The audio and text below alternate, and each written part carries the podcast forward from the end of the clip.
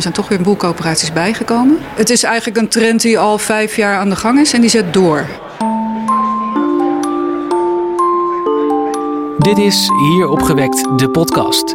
Een podcastserie over en speciaal voor energiecoöperaties. Gemaakt door mij, Maarten Dallinga. Misschien heb je mij eind november wel gezien bij het evenement Hier opgewekt. Daar verzamelde ik heel veel interessante ervaringen, opvattingen en tips. En die hoor je terug in deze serie. Aflevering 1.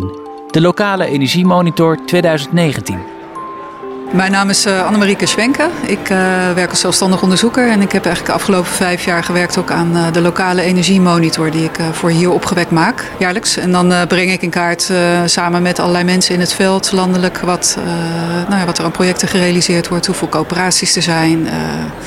en, en, en eigenlijk het is een jaarlijkse spiegel van de coöperatieve beweging, hoe die ervoor staat. De highlights is deels uh, dat, dat het gewoon uh, doorgaat, die beweging. Uh, in de zin van, er zijn toch weer een boel coöperaties bijgekomen. uiteindelijk 70 ten opzichte van vorig jaar. Maar als je naar de peiling van vorig jaar keek, zijn er bijna 100 weer bijgekomen, coöperaties. We zitten nu op 500, 582 coöperaties. En die zitten eigenlijk in vrijwel alle gemeentes nu. Dus 80% van de gemeentes, daar is een, een burgercoöperatie actief. Zijn er bepaalde uitschieters als je kijkt naar provincieniveau? Uh, ja, dus in Friesland uh, zitten mooie grafieken in de, in de monitor. Dan zie je dat ook uh, in, de, in de noordelijke provincies zitten veel coöperaties. Dus deels ook vanuit ja, de achtergrond, dus een, een, ervarenheid met coöperatief ondernemen gezamenlijk. Dus dat zie je dan ook terug in die energiesector. Dus vooral in Noord-Nederland is er is veel, veel activiteit te zien. Mm -hmm. Was deze toename voorzien? Het is eigenlijk een trend die al vijf jaar aan de gang is en die zet door.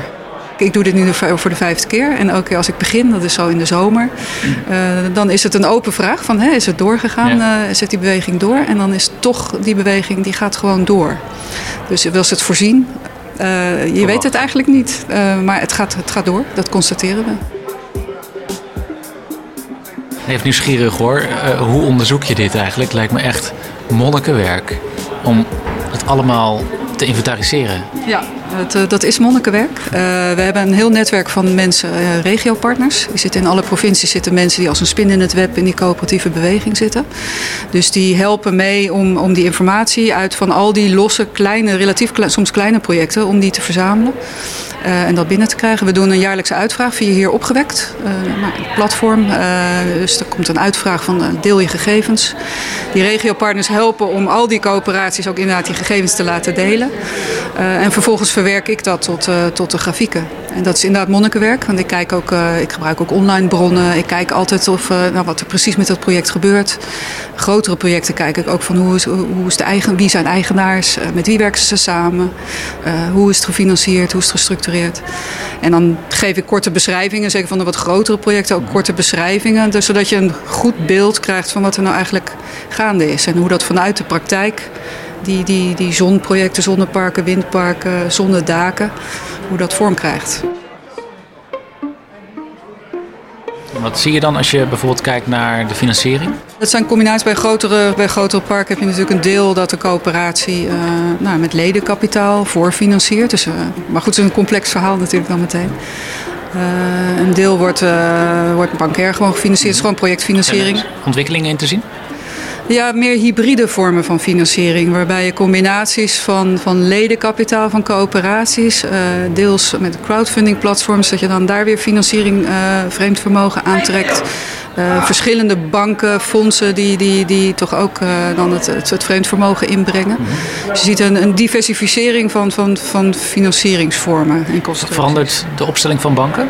Um, dat vind ik lastig te zeggen. Op het moment dat je gewoon een, een goed project hebt, een financierbaar project, en er is, je hebt dat hele planprocedure doorlopen uh, voor grotere projecten, hè, die dus ruimtelijke ordening, uh, allerlei vergunningen moeten halen en, en bestemmingsplanwijzigingen en zo. Als dat eenmaal geregeld is, dan is het financierbaar. Ja. Gewoon een goed project dan. Ja. Dus dat is, uh, dan, dan willen die banken daar wel instappen. de lastigste fase is de voorfinancieringsfase. Dus dat je eigenlijk moet gaan verkennen in de omgeving van kan er überhaupt iets. dan grote, Ja, dat is onzeker. Dat is ja, dan heb je risicodragend kapitaal nodig. Uh, dus een aantal grote windparken die dit jaar gestart zijn, dus windpark Avri en windpark Dijl en uh, windpark Spinder, die hebben echt ook ledenkapitaal gebruikt om die risicovolle voorfase ook deels te financieren. Dus dat is, vind ik heel interessant. Om maar dan moet je behoorlijk wat leden hebben.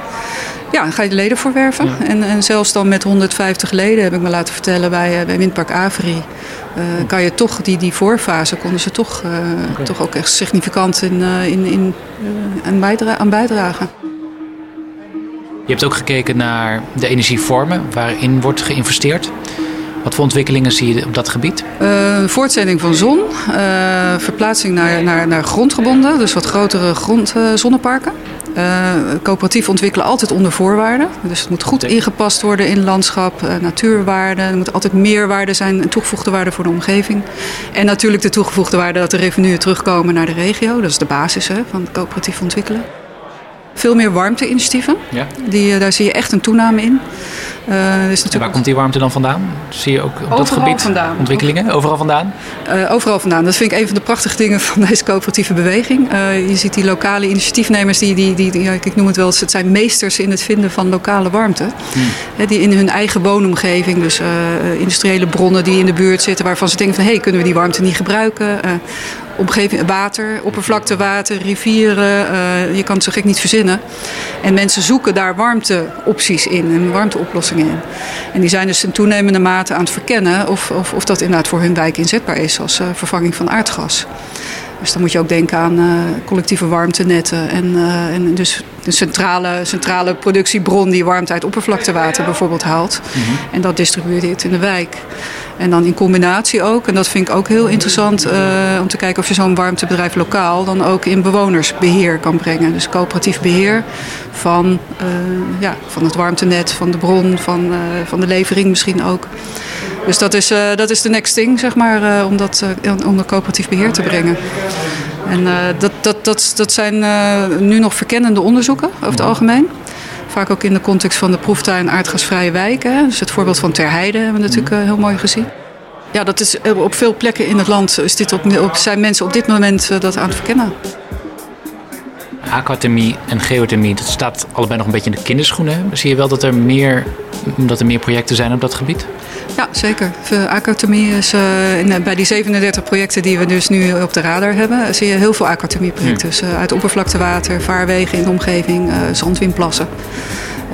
en daar, daar zijn mensen gewoon aan het kijken of dat, of dat inderdaad een reële optie is. En ook, ook ver, met vergaand vrij verdiepend haalbaarheidsonderzoek ook hoor. Okay. Dus uh, waarbij een aantal opties ook gewoon uh, haal, ja, in theorie in principe haalbaar blijken te zijn of kunnen zijn.